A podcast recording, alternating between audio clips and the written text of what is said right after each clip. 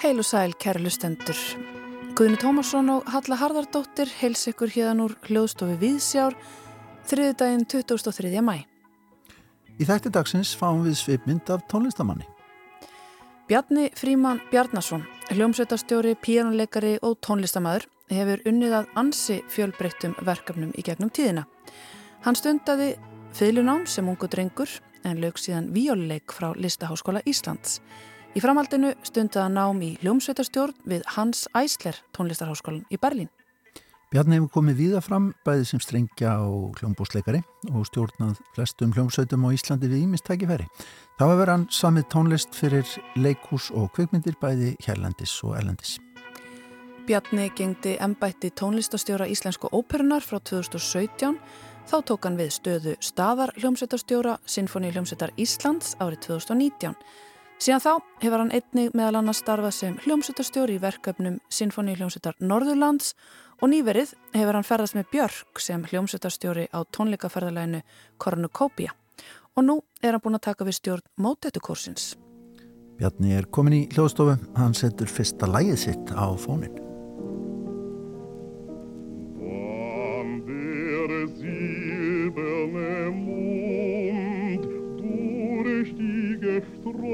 Sträuche blinkt und sein schlummerndes Licht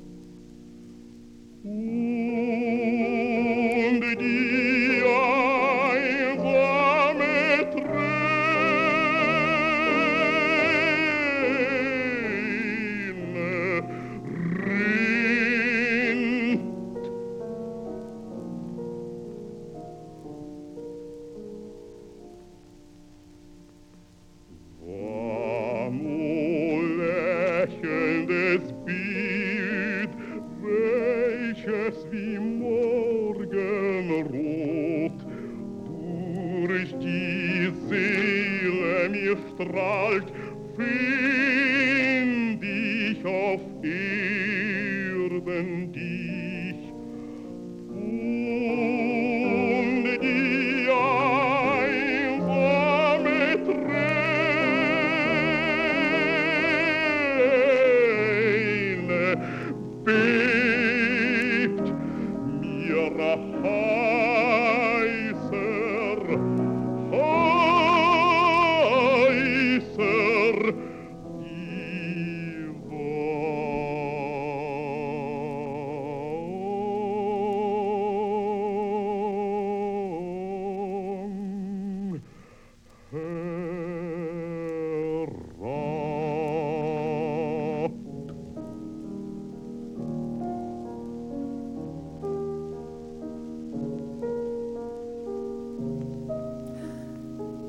Bjarni Fríman Bjarnason, þetta er ansi fagurst upphaf á svipmynd. Segð okkur hvað að, hvað við vorum að hlusta.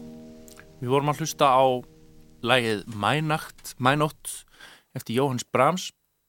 E, það var, hérna var það úkrænski bassasöngarinn Alexander Kipnis sem að söng endur fyrir löngu með honum leik undir Gerald Moore e, og mér fannst þetta viðandi að byrja þáttinn á þessu fólk er svona, hefur einhver tíman í morgun vaknað upp að mænótt vonandi fagur í mænótt nú hann, þessi söngvari var fættur í Zhytomyr í Úkrænu og ólnúsinn aldur mest reyndar annar staðar, svona víða um, um heim. En hérna, það heyrist þó sjaldan í þessari fallegu rödd í dag þannig að mér langaði að deila þessu með landsmönnum.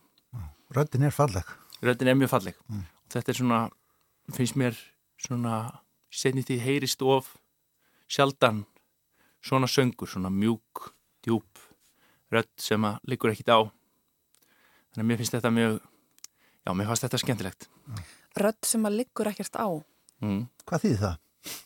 það er allavega, það er ekki mín rödd ég er svona dalti örgeðja og, og hérna átt til að flýta mér stundum fram úr hófi en, en hérna mér er alltaf hugleikið í tónlistinni þessi þessi svona svona söngur á bakvið hlutina, kannski ekki endilega það sem maður heyrir heldur það sem mann er ætlað að heyra. Og við, við erum að læra þá kannski vakna upp svolítið við vondan drauma, við hlustum ekki nógu vel hvort annað. Og e, það er svo auðvelt að tjá sig, það er svo auðvelt að dæla út einhverjum orðum sem er jáfnvel oft án einhvers takmarks. En það er miklu flóknara að það er miklu flóknara að svara því sem að hefur verið sagt við hlustum svo oft á þann hátt að hlustum bara til að geta búið til samfærandi svar frekar heldur en að hlusta til að heyra það sem er sagt. Og, og e, mér finnst í allri tónlist allavega allri svona góðri tónlist ef maður máli á þess að tala svo leis er ykkur svona söngur, það er ykkur þrá, það er ykkur þörf á bakvið það sem að sungi er og sagt. Og mér finnst ég svona sem tónlistamæður reyni ég að orðið meira að hlusta eftir þessu hvað tónlistamæðurinn heyrir fyrir sér frekar heldur en nákvæmlega hvaða hljóð hann býr til, hvaða eftir hverju eftir hverju söngvarinn eða hljóðfærarleikarin eða tónskaldi eða hvaða er, er að tegja sig. Og það er einnig skiptir ekki endilega öllu máli hvernig manni tekst til, við sjáum þetta bara þegar að þegar að e, já, nú til dæmis, nú hef ég átt hund í halvt annað ár og það er mjög gaman að fylgjast með henni vaks og grassi og sjá hvernig hún þarf ekki sko, það þarf ekki fullkomin tjáskipti til að koma hlutur um áleiðis ef maður bara hefur áhuga á að heyra það sem raunverulega er sagt. Og mér finnst við kannski okkur hætti til að fókusera einblýna of mikið á búningin það sem að, það er orðið svo mikið nútíminn snýst orðið svo mikið, það snýst um soundið á hlutunum og snýst um einhverja áferð og lúkið og, og einhvern svona pakka, einhverja umbúðir og, og það er rauninni hægt að pakka inn ég veit ekki, þá var, svona hávar umræðan til dæmis í kringum, kringum söngakefnina núna sem fylgist með með öðru ögnu hvað þetta væri orðið mikið sjó og umbúðir og hann kom nú dásanlega í Portugalin Sobral, Salvador Sobral og sagði eitthvað á þá leið að við mættum ekki gleyma þessu með innihaldið. Og þetta fann einhvern enduróm svona inn í mér allavega það sem hann sagði. Svo er náttúrulega, fyrst erum að tala um tónlist og líka kannski talað orð, að því við erum nú í útvarpi, Já.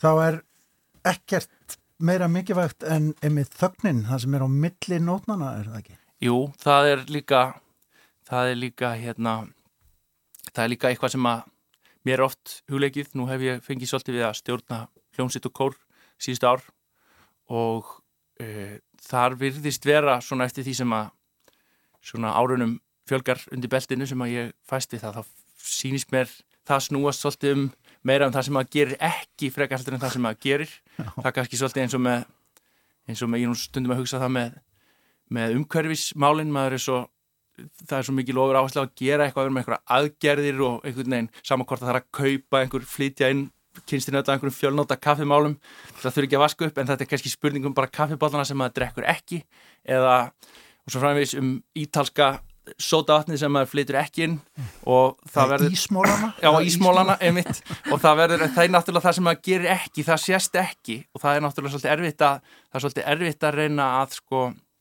fá okkur eignarhald eða það í svona samfélagi sem að gengur út á gengur út á sko að hafa sín fingraför á því sem maður er að gera, þá er mjög erfitt að selja það sem maður gerði ekki. En það er oft nákvæmlega það sem þarf. Oft þarf oft þarf einhver spurning eða tjáning þarf ekki svar. Og ég ætla ekki vil ekki geta hljómið eins og ég sé einhver meistar í því. Maður, ég tala ofta ofan í eitthvað sem að sem að hérna, maður á ekkit að svara endilega. En það er það, er það sem allavega í hljómsveitastjórninu virðist oft snúast um það. Að mínum að hljómsveitir verða betri og betri og þurfa er unni minn og minni sko leiðsögn, hvað þá tilsögn. Þá snýst þetta oft bara um að laða það fram með sem fæstum fæstum orðum eða reyfingum og hérna þannig er það með allt. Ég var stöldun og nýverið með Björk stjórnaði með henni á Coachella hátíðinni í, í Kaliforni út í Eðimörkinni þar voru e, þar voru rúmlega 100.000 manns að hlusta og tvær helgar í röð. Og annað kvöldið þarna með Björk var ónefndur tónlistamæður sem er mjög stórt nafn í dag sem að mætti. Og mér fannst það mér fannst það, maður, ég hef heyrt margt gott til hans og og til rétt flottu tónlistamæður en hann einhvern veginn er svona daltið feiminn og framfærin að koma fram. Hann mætti létt býða eiginlega klukkutíma eftir sér. Svo var allt sjóið á þann veg að hann var eiginlega girti fyrir sviðið með svona lett skjám var í einhverju, einhverju dúnúlpu með hettu yfir haustum og söng. Og það var í rauninni, jú, það má kalla þetta eitthvað svona, eitthvað, segja þetta hafi verið svona intímt og innkverf tjáning, en mér finnst þetta þetta er svolítið, mér finnst orðinit alltaf mikil meðvirkni oft með þessu í dag. Það eru hundra hús manns, fjölmarki komnir uh, hafa langu og sótt til að hlusta á, mm -hmm. á þennan listamann. Mér finnst þetta bara algjörlega fáranlegt að mæta of seint og, og er svo, þetta er svo mikið forréttindi að fá að standa á sviði fyrir framann svona mikið af fólki og það er svo mikil ábyrð að gengisfella ekki svona tjáningu og þetta er svona svolítið setið í mér. Ég finnst þetta undarlegt að fólk skuli ítrekka komast upp með einhverja svona einhverja svona vittleysu í nafn af því fólk er orðið frækt og þá er þetta kallað þá er þetta kallað hitt og þetta er kallað feimni þetta er kallað eitthvað einsko það verið að heyrnalösi hljómsýttastjórar eða, eða hérna eða rallust fólk og hvað er þetta er þetta gengur svo mikið auðvitað er það bara peningamaskinan í kringum þetta sem einhvern veginn krefst þess að fólk fara á svið sama hvað og það er, þetta er ég meina við erum að vakna upp við vondan draum það er svo mikið polarisering í allri umræðu í samfélaginu tvær fylkingar talast ekki áheldur bara fram hjá hver annari mm. og það er líka því að við erum búin að gengisfella tjáningunum, við erum búin að gengisfella eh, samskiptin með, með því að vatnaði ómikið út og það er ekki öll meira og minna svo tónlist sem á upp á pallborið það er tónlist sem getur sónað inn og út úr. Músík sem að krefst þess ekki á sért á staðnum og hlustir og gefur því allan að því sem er verið að segja. Og þið getur ímyndað eitthvað hvernig samskipti það eru þau á millokkar ef maður talaði þannig að, að manni væri rauninni sama hvort að hlustandin væri að hlusta á það sem maður væri að segja ekki. Hann væri rauninni bara með óminna orðunum í eirunum mm. Og öll kvikmyndartónlistur árið meira og minna svona hún þarf að virka undir einhverjum háaða í þyrlum og sprengingum og díalóg og eðlilega getur svo músik, ég ætla ekki að gera lítið úr því, það þarf líka, það er ekki saman hvernig það er gert, en músik verður meira og meira svona og það er, þannig er peninganir að selja músik undir, undir kvikmyndir, gætnan undir talaorð mm. eða á einhverja playlista sem að fólk er að hlusta meðan að vinnur, meðan að gera eitthvað annað mm. og músikin verður svo, tónlistin verður svo einsleitt ég er oft spurður náttúrulega sem tónlistamæður á hvað ég hlusti og hvað því ekki gott. Ég hlusta bara mjög lítið á músík. Maður spilar oft, maður æfa sig marga tímandag og spekulur í músík og ég hef bara ekki, hef ekki andrými til að taka meira inn. Þannig ég hlusta bara, bara mjög lítið á tónlist. Þannig kannski, maður, kannski ekki ritthöndur sem maður hlustaði lítið á, sem maður læsi lítið á bókum. Það væri þetta kannski ekki, þetta er kannski ekki gálegt. En maður getur ekki, ég vil vera að hlusta á tónlist, tilherinni algjörlega þegar ég hlusta, annars er ég bara að gera eitthvað annað.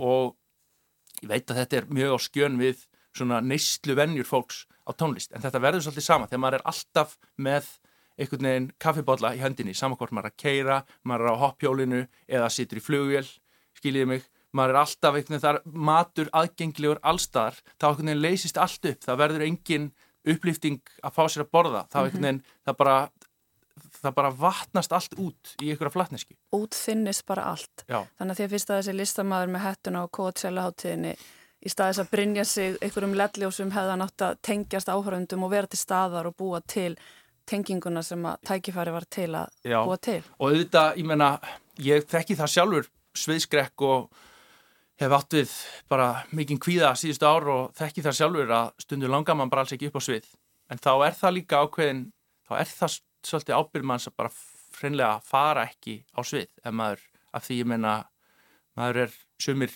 skiljið, sitja og lemja á liklaborð 8 tíma á dag, gera það 5-6 daga vikunar eða, eða mynda skúringamoppu eða svo framvegs þegar maður fer á svið endrum og eins kannski örfa á kvöld í viku þá er maður, gerir maður henni voða lítið annað en það en þá snýsta, þá er bara þá er maður eins og, eins og flummaðurinn sem fær kannski borgað fyrir þessa örfa og tíma sem mann flýgur á viku en það er alls konar vinna á bakvið það. Maður þarf að neyta sér um mm.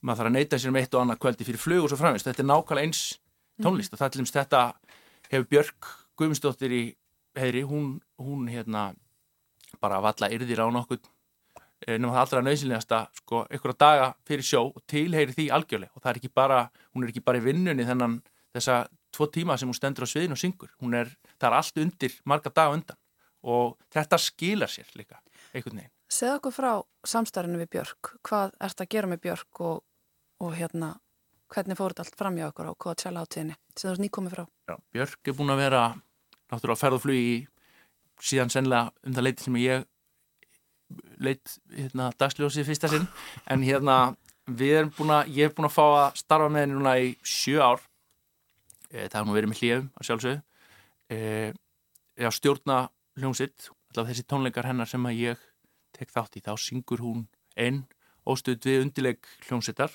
það eru engin önnur raunlega hljóð, það er bara hún og hljómsittin og Eh, ég var kvattu til hérna alltaf stjórn og tónleikum í Hörpu, já, sennilega fyrir 60 árum. Og svo líkaði henni það ekki verið en svo, hún hefur haft mig með sér viðam heim. Og eh, ég hef fengið að stjórna útrúlega flottum hljómsveitum, alls konar hljómsveitum, bæði allt frá bara einhverjum samtíningi að mála liðum í, í Hollywood yfir í, yfir í hljómsveitir bara borðið út af hljómsveitina í Berlín og það hefur verið Halley hljónstinn í Manchester sem er nú bestu hljónstum á Breitlandsegum og mm. frábær hljónstitt í Tókjó núna nýverið. Við vorum í Fílharmoníin í Los Angeles og það hafa verið alls konar frábærar hljónstittir sem að e, eila of og margar til að telja upp e, og við erum búin að fara vorum núna síðast á Coachella, vorum í Japan fyrir rúmlega mánuði síðan og spilum, fórum til Suður Ameríku síðasta haust og, og hérna, spilum þar með frábæran hljónsittum og þetta hefur verið mjög skemmtilega reynsla að sjá fólk halda á þessum sömu hljóðfærum í mismunandi heimsjálfum með mismunandi menningarlegan bakgrunn.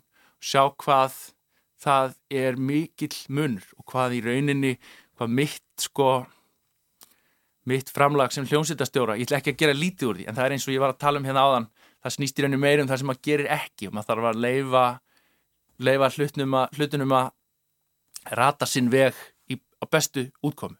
Réttar svarið, jú, svífu kannski eitthvað starf í loftinu, maður þarf í rauninni þeimur minna sem maður segir þeimur nöðvöldar er að hlusta á reyna að finna bestu útkomuna. Að sjálfsögðu hljómar þetta allt búið að vel þegar ég sitt hérna við borð fyrir með mikrofón og tala um þetta en svo náttúrulega er maður á staðnum og maður er kannski stressaður og óörugur og þá verða orðin og mörg og, og hreyfingarnar og íttar en það er kannski bara það er svona langtíma verkefni að reyna að fækka þessu og hafa þetta skilvirkara.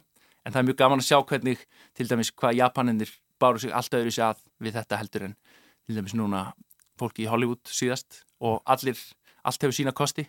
Ég verða nota tækifærið og fá að taka ofan fyrir japununum samt, það var alveg þeirra, þeirra hérna svona vinnubröð voru alveg til fyrirmyndar, ég þurfti bara að segja hlutina valla einu sinni og ég þurfti aldrei að endur taka þá. Og það var einhvern veginn allt framkvæmt sem stóði í nótunum stundum aðeins var nákvæmlega en það var líka bara einhvern veginn það, einhvern, það voru allir vakandi. Það var svo mikil það var svo mikil, auðvitað er þetta náttúrulega frækt það er mikil vinnumenning mm -hmm. í Japan og stundum mörgum þykir það keiraðan þörrbakk þeir fara stundum fram úr sér en það var ótrúlegt að sjá hvað, hvað þeir eh, og þau voru hvað hlutinir urðu góðir hvað þetta varð bara einhvern veginn allt svo eðlilegt. Það varð, það varð þetta urðu, það varð svo mikil stemming. Ég fann að þetta þetta kveikti svo í okkur björg að finna bara þessa virðingu sem verkefni var sínt og í rauninni á sama tíma sjálfsverðingin mm -hmm. og, og en þetta er einhvern veginn, þetta er einhver hálfinn balans að finna, svo er það náttúrulega líka getur það orðið mjög treytandi að sitja á samastólunum fyrir framann sama púltið og svo koma bara nýja nótur í hverju viku og þetta vil náttúrulega eðlilega gröðast allt saman eins og einhver tákn á tölvuskjá.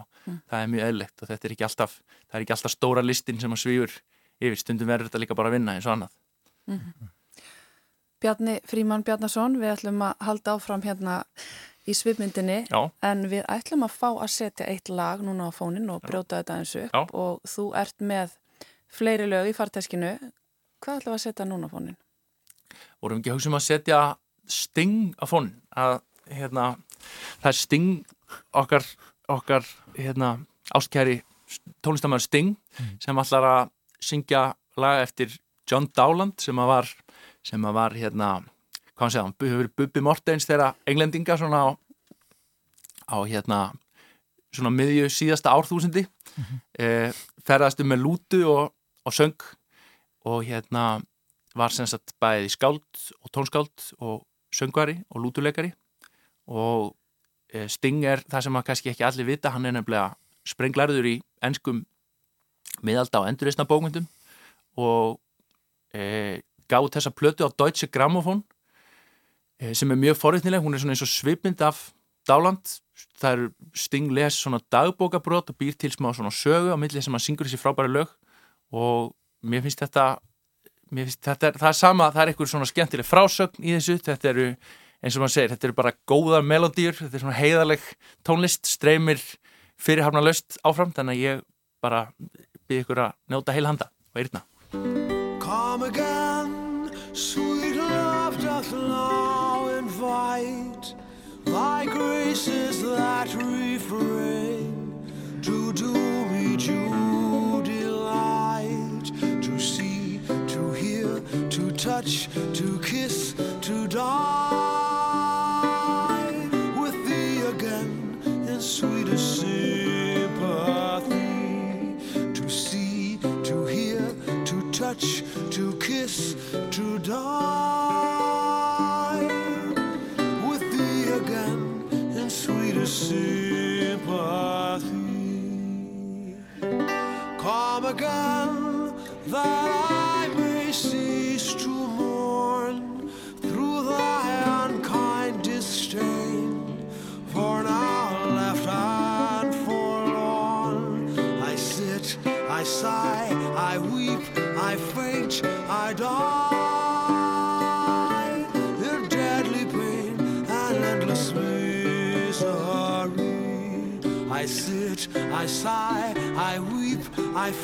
I die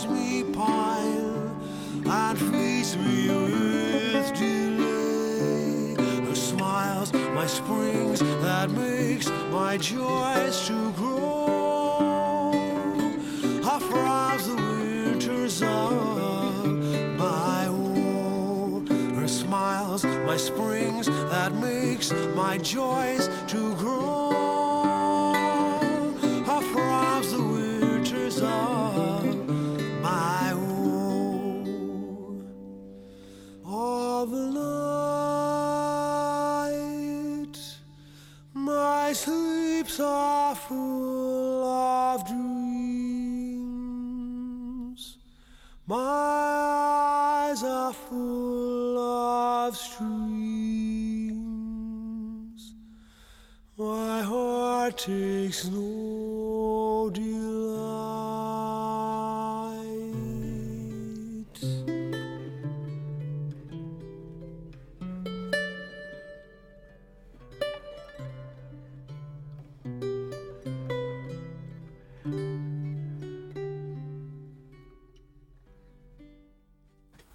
Já, breski tónlistamæðurinn Sting hann að syngja Come Again eftir John Dowland, fallegt lítið lag uh, og einhvern veginn beintin í hjartað bara Já, á manni. Sko, Bjarni, hver ertu? já þetta er, þetta er hérna spurning sem að, er, sem að maður ætti að spyrja sig sjálfur Kontum með svarið. Já, komið svarið. Ég, ég er allavega svona ytra byrði er ég, ég er e, fættur uppalinn í Vesturbænum, Reykjavík ég var e, mjög lánsamur að fá að var settur til tónmenta snemma. Það er nú standa nú ekki að mér sko, hvorki tónistan ég listafólk. E, ég skrýna stundum með það að ég sé af sko kottbændum og grásleppu köllum það er ekkert það er svona bara mjög rétt og slett svona venjulegt fólk sem að stendur að mér í báðum einn en, en hérna ég fekk mjög gott allæti í tónlist var lærið fyrst á fyllu hjá Lilju Hjaltadóttur samkvæmt Súsúki aðferð og sem var ómeðdanlug skóli þar fæst maður svolítið við að það eru krakkarnir eh, látnið byrja að spila ungir, maður spila svolítið eftir eiranu sem er líka sama, það gengur út að þetta hlusta, tegja sig eftir einhverju sem maður heyrir og reyna nálgast að kenna sjálfum sér svolítið á hljóðferðið eh, sem er frábær aðferð. Svo setna lærði ég hjá eh, Guðnjú Guðmundsdóttir í tónlistaskólanum í Reykjavík og svo listaháskólanum. Eh, svo hef ég eh, svona er að kalla má, já kannski ekki algjörlega. Ég var nú svolítið í píjónutífum aðeins hjá Haldóri Haraldsinni, einna tvo vetur en, en ég svona mestuleiti sjálf gekk mestuleiti sjálf alveg píjanóið sem er orðið mitt aða hljóðfæri. Og uh, svo fór ég að loknu námi og eftir, eftir hérna tvo vetur í Löndun og múrverki og slíku eftir listaháskólan þá fór ég til Berlínar og lærið þar hljómsveitastjórn í nokkur ár uh, við Hans Æsler tónlistarháskólan í Berlín og uh, dvaldist þar í nokkur ár eftir var þar starfaði við eitt og annað aðalega að spila undir með söngurum Mm. sem að hefur svona eftir að higgja verið minn allra besti skóli í hljómsveitastjórn og allavega svona hvað minn smekk varðar finnst mér það jafnan bestu hljómsveitastjórnir sem að hafa mikinn, mikla eh, og langa reynslu í því að spila undir með söng. Ég hef sagt það áður hérna í, hérna í þetta útvarp og endur tek það gætnan að mér finnst söngurinn eiga liggja til grundvallar allri tónlist, sérstaklega klassískri tónlist, það er rauninni allt þetta tungumál er sprottið úr söngnum. Öll önduninn og allt Já, öll öndunin og öll þessi tjáning. Það er einhvern veginn, það er svona kannski það eru kannski hinstu rauk músikalska tilveru. Er þetta að bresta í söng þegar að einhvern veginn tjáningin verður þegar að hún verðist fara fram úr því sem orðin ná, við náttúrulega tölum saman þar ákveði tónfall í því sem við segjum. Og svo þegar þetta verður svo stert manni líkur svo mikið á hjarta þar, þar einhvern veginn sprettur söngurinn upp, svo er að sjálfsögðu líka annað það er dans, maður hefur þörf fyrir að lemja í einhverja hluti, búa til einhvern rithma, einhvern trin, einhverja stemmingu. Og tónlistin hefur kannski verið svona smekkurinn síðustu árin dalti meira þeim megin eh, svona, það er kannski daltið svona sumuleiti líkamlegra eh, en mér finnst allavega, mér finnst allavega þessi, þessi ár mín þarna út í Berlín þar sem ég fekk að kynast ég að spila undir með söngurum. Ég var mjög duglegur í skólanum, syndi því eða betur heldur en hljónstastjóðan áminu að, að spila undir með söngurum með samnöfndum mínum og reyndi að reyndi að komast í sem flesta reyndi að komast í sem flesta tíma með mismunandi kennurum að heyra hvernig fólk kendi söng og það er hægt að nálgast, það er hægt að leysa öll vandamáli söng, það er einhvern veginn svarið við þeim virðist vera músikalst þetta er einhvern mjög svipaðir hlutir, það er eins og flækjurnar greiði úr sjálfum sér ef að takmarkið er skýrt, ef maður heyrir réttan hlut fyrir sér. Það er eins ef maður er að, ef maður er að æfa kór þá, þá vill það verða svolítið svo leiðis, ef að kórin veit ekki heyrir ekki hljóminn fyrir sér sem hann alltaf nálgast þá er alveg sama hvað maður segir um sko þynd eða háls eða varir eða öndun eða, eða hvað sem er. Og, og hérna þannig að þetta var mjög dýrmættur skóli þarna út í Berlín. Síðan þá, já. Hvenar fórst að hugsa fyrst um hljómsveita stjórnun?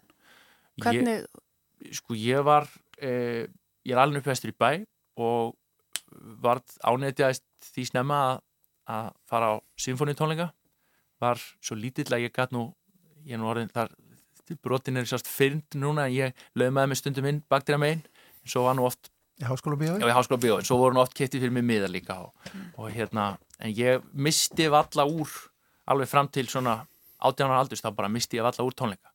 Hlusta á allt mögulegt. Ég fór snemma að hafa gaman að ég lesa nótur og, og hérna og hafði svona áhuga á því hvernig allt var skrúað saman og fannst þetta fannst þetta mjög svona hvað sé að gangverkið í músikinni fannst mér mjög spennandi.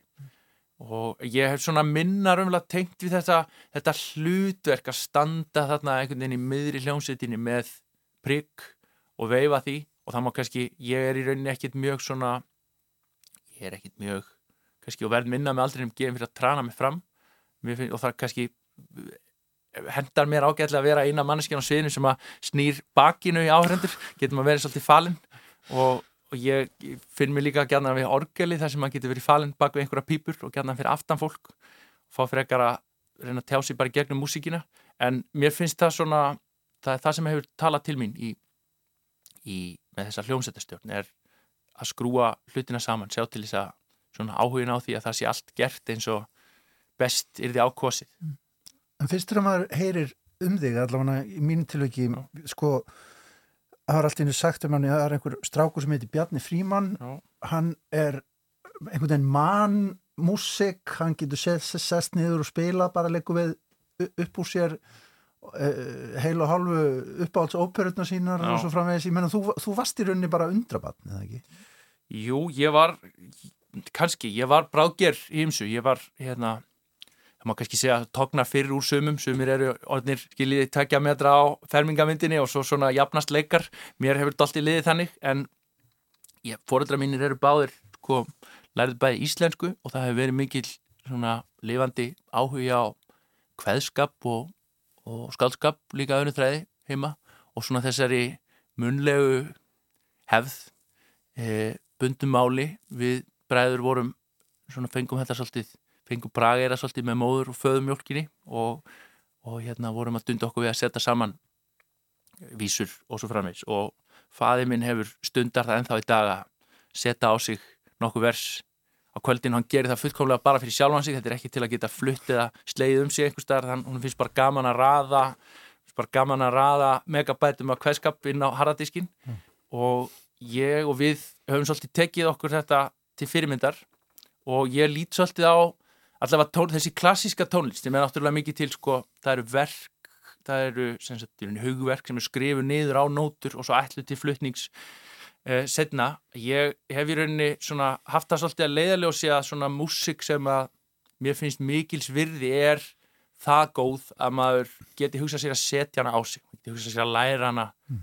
utanbókar og ég hef haft þetta hafði sem var að reyna að halda mér í rútínu bara sem unglingur að vakna aðeins áður en þurfti að mæti skólan og, og reyna að spila eitthvað aðeins og æfa mig í að læra það utan að spila nokkra hendingar og svo kannski annarkort tónflytjaðar eða reyna að loka bókinni og sjá hvað ég myndi. Þetta er náttúrulega bara eins og aðrir vöðvar, maður bara æfir þetta þetta er, þetta virði að var alltaf tilherið til mínu fæi hljómsveitastjórn svolítið mikið svona, hvað var segja, svona almenn geta í músik mm -hmm. E, þetta hvernig maður veifa prigginu þó að það sé það sem sjáist það sé það sem auðveldast að selja á einhverju masterclassum og svo framvegis, þá er það einnig minnstu hluti af því, þannig að ég fór að snemma að reyna að æfa mig í þessu að læra hluti utan að og þetta kannski hefur ekki verið lögð kannski alveg nógu mikið áhersla á þetta og þess vegna kannski virkar þetta á fólk sko, virkar þetta eins og einhver taurabröð á fólk en þetta er eitthvað sem er hægt að æfa eins og annað og ég svona, svo er þetta líka einhver þráhyggja, ég dett sér svolítið inn á alls konar róf og þetta er einhvern svona, þetta er á einhverju rófi að fást í þetta. En ég, þetta er eins og bara ég hef mjög gaman að læra tungumál og, og svona drabla í því og drabba í því og þetta þetta er kannski partur þetta er kannski svolítið þetta er sami hlutur, ég hef séð að ef ég er að tilenga mér eitthvað tungumál þá, þá er gott að læra bara án þess að kannski endlega skilja svo mikið læra bara hveðskap og lög svo framvegs, þannig lærði ég þýsku eiginlega bara af Sjúmann og Sjúbert og þessum textum. Eh, að maður er einhvern veginn, maður er með harðardiskin fullan af einhverju svona og svo allt í einu fyrir að ljúkast upp fyrir maður í merking bara þegar maður stendur og sér nafnið á einhverju, einhverju hérna, landbúnaðarafurð út í, út í sko, út í netto eða hvað það er. Og, og þetta er svolítið svona í músíkin líka, maður er bara, ég hef reynd að hlaða bara inn í hausinn, allavega nýtist þetta mér vel, reynd að hlaða bara inn í hausinn og svo kannski mörgum árum setna er maður í einhverju músikalsku samhengi, bara stendur með björk einhver staðar á stóru sviði, þá allt í einu ljúkast upp fyrir maður einhver sannindi. Og þetta þetta utan að bóka lærdómur er ég skil að sumum, hann fellur sumum betur en öðrum en ég held að hann sé ég held að hann sé mjög mikilvægur. Og mér svona er svolítið uggandi yfir þessari þróun að við tristum tölvum og hörðum diskum fullkomlega fyrir einhverju gagna bara fyrir í rauninni öllum sköpuðum hlut og það er alveg samankomari flinkur að vinna á einhverja tölvu og stýra henni. Ef að rafmagnin fer af ef maður sér fyrir sér að geta kveikt eld með aðstóð Google þá er það náttúrulega, ég veit þetta er kannski svolítið hallaræslegt og gamaldags en, en hérna við erum við reyna að bú okkur til fleiri og fleiri gerfi þarfir, rafmagn er að vera grunnþörf af því að, því að, af því að við verðumst ekki geta sko verðumst ekki öll þessi svo kvöldu þægindi þessi hakkvæmni sem að fæst með þessum tækjum öllum, hún er náttúrulega hún byggir aldrei á því að við höfum Mhm. rafmagn og internettenging og svo framvegs En svo er þetta ekki bara, eins og þú segir, pákugs, lærdomur og minnið og, og harðidiskurinn að því að tónlist er auðvitað tólkun og innsægi og skilningur Já. og allt þetta mannlega og e, til dæmis bara í hljómsveitarstjórnun Mm. þá ljóta líka bara mannlega samskipti að skipta máli. Já, þau eru náttúrulega í rauninni alfa omega. Maður má ekki gleyma því að maður spilar ekki staka nótu sjálfur. Og e, í rauninni væri það besti besti hljómsveitastjórn sem að sko sæist korkinni heyrðist en það er eins og það er eins með það og e, það er eins með það og, og, og fleira, það er svolítið hérna, það er erfitt að selja það sem maður gerir ekki en, en í rauninni væri, í, mínum huga væri ídeal tónleikar þar sem að maður í rauninni glemdi hljómsveitastjórnum og hans, hans sko, eða hennar aðkomu. Og e, það er náttúrulega oft hægar sagt en gert en það, það er, maður þarf að hlusta eftir því hvert fólk vil fara með hlutin og það er kannski það er mismunandi leið að, við getum sagt kannski besta útgáfa symfóniljónstannar hérna af einhverju einhverju önduveisverki tónbóngvendana hljómar kannski allt öðruvísi heldur en besta útgáfa einhverja hljómsveitar í Japan. Og það þýðir ekki að vera bara með sína fastmótu hugmyndu alltaf þvinga hana onni kokkið á fólki, maður þarf að hlusta eftir því hvernig fólki, þetta fólk getur uh, getur náð sínum besta árangri saman. Það fer eftir því hvernig það, það spilar inn í það í hverða sal er verið að spila jável fyrir hverja er verið að spila. Þetta er fólk aðeins verið að vakna til vitundurumlinga í sambandi við Já, svona, þetta er aðtílisverð hlið þegar fólk er að tala um sko, þessa uppbruna þennan uppbruna stíl í flutningi spila á eldri hljóðfæri, bara á hljóðfæri og svo framvegis, það er hægt að endur skapa allan fjandan svoleiðis og ég vil hægt að spila í sömu spila í sömu sölunum og fara í í, í, í gamaldags múnderingar, en maður náttúrulega endur skapar aldrei hlustandan þá.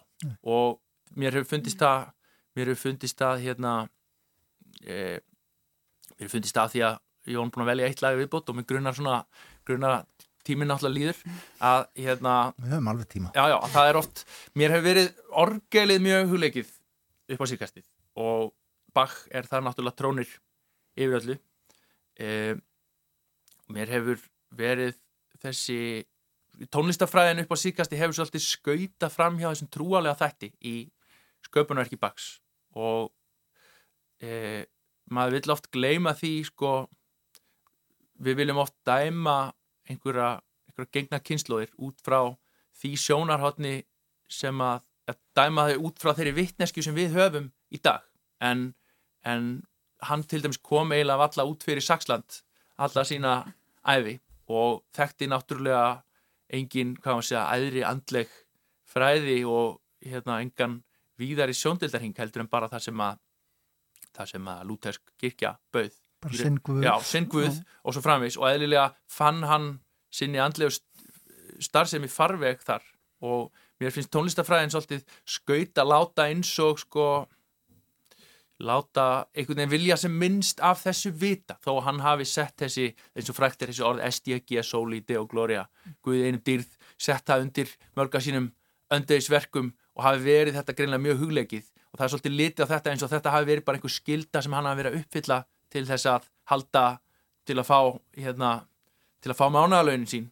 En, en þetta var þetta var lifandi þetta var, orðið var lifandi fyrir honum. Nú ætlum við vonum þetta ljómikinn svo ég sé að hef ég eitthvað trúbóð hérna. En ég las, fekk alveg datt niður á hérna mjög aðtiklisverða persónu sem að nafn sem að maður hafði heyrt oft en ekki kannski kynnt sér nægilega, það var eh, guðfræðingurinn Albert Schweitzer sem að sem að hérna læriði fyrst til prests og svo samhliða fegst hann við orgelleik og e, var hann sprenglarur í orgelleik og svo e, þegar hann var þrítur þá í rauninni ákvaðan, hann var búin að setja sér ungur það takmarka þá ætlaði hann að hætta að eins og hann kallaði að leika sér þó að það hefði verið sko linnulöst starf við bæði guðfræði og orgel, hérna, orgelnám og spilamennsku og tók sér til og fór að lærði læknisfræði á því sem allavega í þáttíð var þótti á gamals aldri og lærði læknisfræði var, semst, hann var umvöldlega doktor í guðfræði fyrst og svo tónlist og læknisfræði í lok, lokin, fór svo til fluttist til Ameriku, nefn til Afríku. Eh, ég minnir að hafa verið miðböks Gíneu einhvers staðar, var þar djúpt inn í frumskói og hóf svona svona hreinræktað svona, svona mannvins starf mannvinnastarf þar fór að, fór að byggði þar spítala og eiginlega mest fyrir eigin kostna og sapnaði með orgel tónleikum byggði þar spítala og uh, uh, að sjálfsögðu hérna var með þetta var í rauninni miklu minna trúbóð þetta snerist í rauninni bara um að lækna fólka af alvarlegum hittabelti sjúkdómum sem hann skrifaði sína lokarítgerðum og svo syndan þessu með alveg fenomenal starfsorku eh, var þarna óslitið sko við miðbögg og það er þekkt dæmi í, í svona líkamsfræðum að sko Euró, fólk sagt, hérna á norður alvu það sko getur ekki, hefur yfirleitt ekki þreg til að starfa þarna ekki marga áratugin, hann starfaði sex og helt fullri starfsorku en helt alltaf treyðum við orgelið og spilaði, spilaði tónleika innanviti því miður er ólítið til af upptökum þessum manni að spila en hann skrifaði fyrna merkilega bók um Jóhann Sebastian Bach. Og mér finnst að formálina henni ætti að vera bara skildu lesning fyrir alla sem að allavega eru eitthvað spekulera í Bach. Þar talar í rauninni útskýran Bach svolítið sem í rauninni eljuverk kynstóða því Bach var, eh, var eh, af mikill tónlistafjölskyldu eh, hans forfeður voru meira og minna tónskáld og orgelleikarar og fyrirleikarar og músikantar við hérna þessa heyrðina og, og kirkjur og hann sprettur úr þessari lútersku sálma eh, og tónlistartradísjón sem að snerist í rauninni líka um það. Lúter tók bara einföld vinsæl lög sem að fólk var að syngja á hans málsvæði eh, og setti við þetta, samti við þetta einfalda sálma sem var auðvelt að læra. Og, fólk, og þannig gekk orðið og bóðskapur og það skiptir svo ekki máli í rauninni í því sem ég er að tala um hvort að það er einhver trúalegu bóðskapur mm -hmm. eða bara eitthvað sem við reynum, eitthvað sem okkur finnst eiga erindi okkar á milli. En, en allavega er það það sem Luther gerir, tekur vinsælög sem fólk átti auðvelt með að syngja. Þeim, var, þeim voru hann og samverka fólk hans sömdu fallega sálma við þetta. Og svo eru þessi sálmalög liggja til grundallar öllu því sem að Bach samti mm -hmm. og melodíunar eru í öllum litlum reyfingum í nótunum, í allri, þetta eru þetta er sko, þetta eru frjókórnir í allri hans músík og þetta streymir ennþá í gegnum alla tónlist meira minna í dag af því að, af því að svona með ofur einföldun má segja að Bach hafi lagt grunninn af því sem allavega þanga til undanfarið hefur þótt bara verið bara almennur fegur að smekku fólks í tónlist mm -hmm. með að sjálfsögðu variasjónum og blæbriðum og svo framvegs en, mm -hmm. en hérna þetta þetta útskýrir Svetser markvælt betur en ég í þessum formála mm. Eh, ég veit ekki hvort það er að margi sem að fara að fletta honum upp en, en nú, nú er þú Bjarni hér að sko lýsa kvatanum að baki tónsmiðum og setja tónlistan í eitthvað svona sögulegt samingi fyrir okkur áður en við ætlum að enda þáttin og að hlusta á þess að dásalegu tónlist. Já. en svona um, ég velti fyrir mér ofta talað um að við séum sko fjarlag klassísku tónlist og hún á ekki erna allra og það sé svona þurfa að gera hana kannski aðgengilegri. En heldur það sé hluti að því að njóta tónlistar að vita úr hverjum sprettur? Nei, kannski ekki. Maður náttúrulega, ég ger náttúrulega lítið annað en að velta tónlist fyrir mér. Þannig að ég kannski, ég kannski ég, þetta verður svolítið partur af því sem að svona mínu sjónarhóttninu, þetta gerir ég mig grein fyrir að fólk er að sísla eitt og annað og getur ekki alltaf verið að velta því fyrir sig. Ég held samt einhvern veginn að ég held samt alltaf að svona það sem að kemur frá góðum stað eh, já ég veit ekki, kannski má segja það sama hvaðan gott kemur, en ég held að það sé ég held að einhver góðu vilji og góð svona góður ásetningur skilir sér jafnan einhvern veginn eh, skilir sér jafnan til hlustanda eða áheranda en Nei, auðvitað er það náttúrulega ekki nöðsynlegt en klassíska tónlistin er þessi klassíska tónlist er í mikill í krísu af því að einfallega bara hún krefst annara í mínum huga er klassísk tónlist er ekki bara fiðlur og symfónuhljónsitt og einhver ítalska ítalsk kaplaheiti og e, fólk í kjólfötum eða hvað það er. Og það er ekki bara mér finnst það svo ofta einhvern veginn búið að sjóða klassíska tónlist eða að tala um einhver collaboration millir það er kannski einhverjir popparar eða hitt og þetta sem einhvern veginn að starfa með einhver klassík. Þá er einhvern veginn bara búið að setja fiðlur í hendundar á nokkurum og svo þá er einhvern veginn heitið þá er klassíka því að fólk tengir það að vera einhver hugreiningatengsl klassísk tónlist náttúrulega snýst um kannski er svolítið meira eins og bara ætti að vera eins og bókmentir í sögulegu samhengi snýst kannski líka dáltið um það að fólk er að skrifa eitthvað, það er vinnu aðferðin, fólk skrifa eitthvað nýra blað sem er hægt að tólka á mismunandi hátt.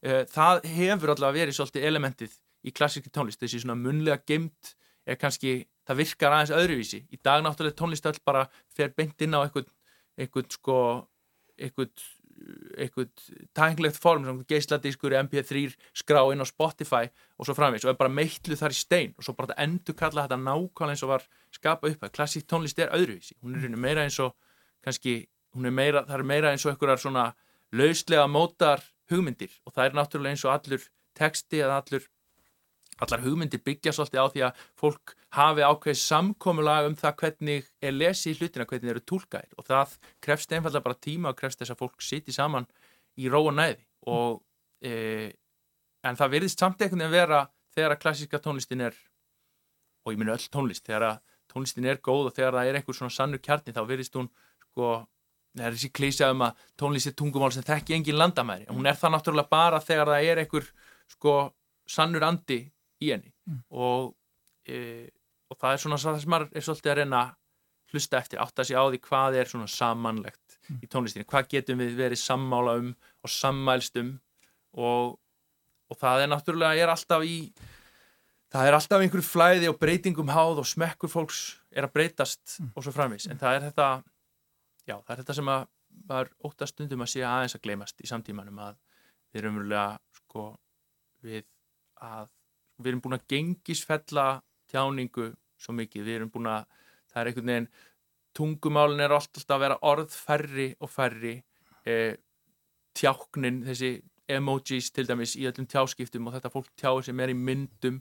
Uh, við erum öll að tala meira minna einhverja ennsku sem ekkit okkar hefur á móðumáli sem er náttúrulega þá mjög yfirborskent og það verður færri og færri orð. Við notum færri orð yfir fleiri mismunandi hluti, það eru færri blæbriði mm. og það þýðir einfalda að fólk getur lengi verið að tala um sama hlutin með sömu orðunum þannig að það allt í hennu vaknar upp í þann draum að það kannski lagði gjör ólíka merkingu í sömu orðin. Og þá er fólk bara orðið, verður fólk svo heftuðugt og talast á miss. Og þetta, þetta sýnist mér vera ákveðið áhyggju öfni en það þarf að máltaka teku tíma, fólk þarf að heyra mikið af e, fólk þarf að heyra mikið af orðum og mörg og nota það á mismunandi hátt og það þarf að velta þessu fyrir sér, Lífand, það er það sem lífandi máli er og tónlist á að vera eins þá að dræða um hana og, og, og tala um hana og velta henni fyrir sér og gefa henni aðtikli og væg og ekki bara hafa hana í eirunum ég allavega fyrir mitt leiti hef engan áhuga á því. Mm. Frábært. Hérna uh, kannski að lokum bara þú ert búin að koma að svo ótrúlega fjölbreyttum verkefnum sem að við þetta getum ekki snert á öllum hér en bara svona östuðsvar mm. draumaverkefni í framtíðinni.